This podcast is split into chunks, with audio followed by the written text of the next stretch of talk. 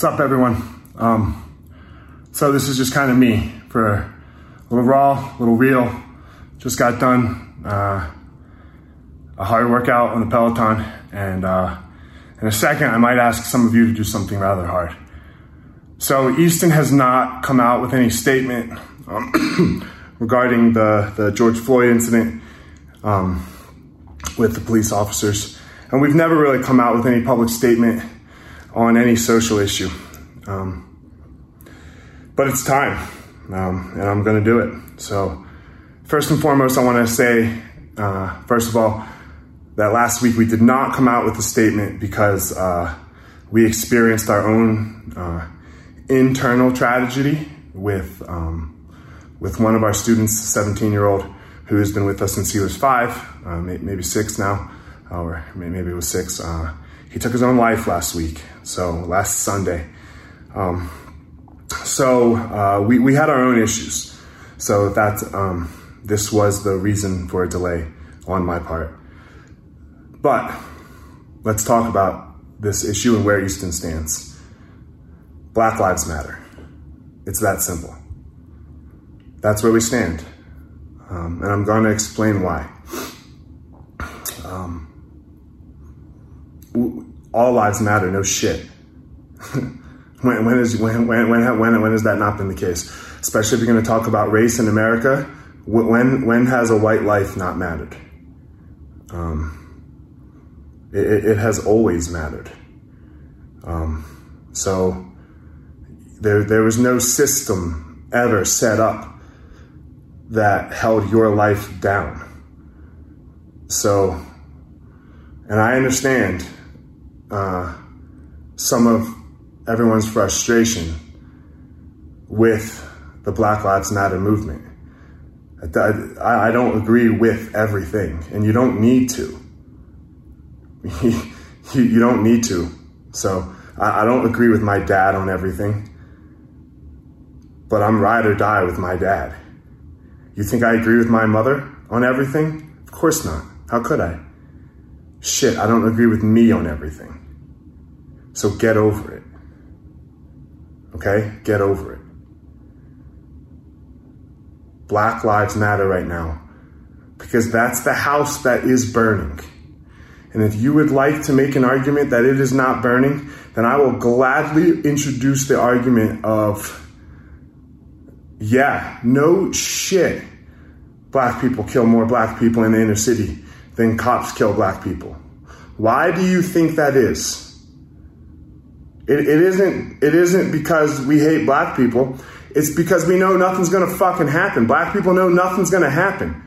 I need that pair of shoes. Yeah, I know that white kid over there has them, but if I go kill him, well then I'm gonna go hang. I'm gonna go burn. you think I'm gonna get away with that? No way. So, since slavery, since Malcolm X's house nigger and, and, and, and field nigger speech, there, there has been this separation of, of the race in and of itself of African Americans. So don't make that argument. Black people's house is the one that's burning. George Floyd is just another Rodney King. Rodney King was the first instant of where we saw this treatment by the police. And now, and now, this is the first instance, this the, the Minneapolis situation is the first instance where we're seeing there is no but if, there is no let's see the evidence, there is no let's see what happened beforehand. I think we all agree on the actual issue of what happened. But now I'm, this is where I'm going to ask the hard thing. My friend Leister did the hard thing. My friend Leister, he's one of my best friends. And not because we talk every day and not because we agree on, I don't think, any issue other than the fact that we're best friends. I have a lot of best friends, so that we're really close. We'll just keep it there. He didn't quite understand the Black Lives Matter movement, but now he does.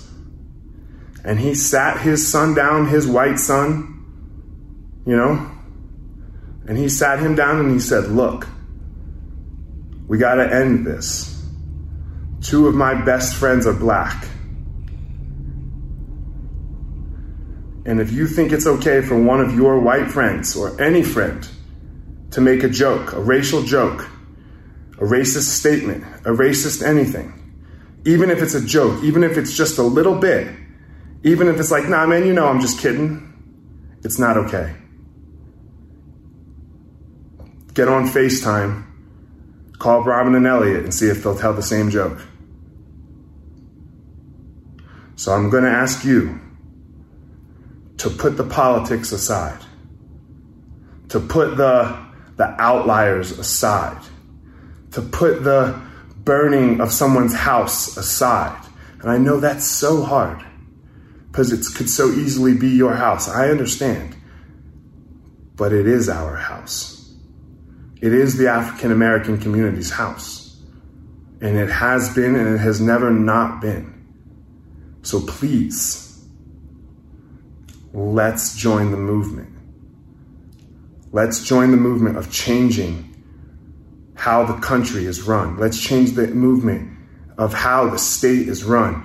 Let's change the movement of how the county is run. Let's change the movement of how the city is run. And you're going to have to get involved. And you're going to have to sit your kids down and talk to them. Your white kids, your black kids, your Asian kids, your Mexican kids, your Filipino kids, whatever kids they are, you're going to have to sit them down so that we can change how your street is run. I'm going to post some information on how you can do that coming up. But if you're wondering where the stance is, Black Lives Matter.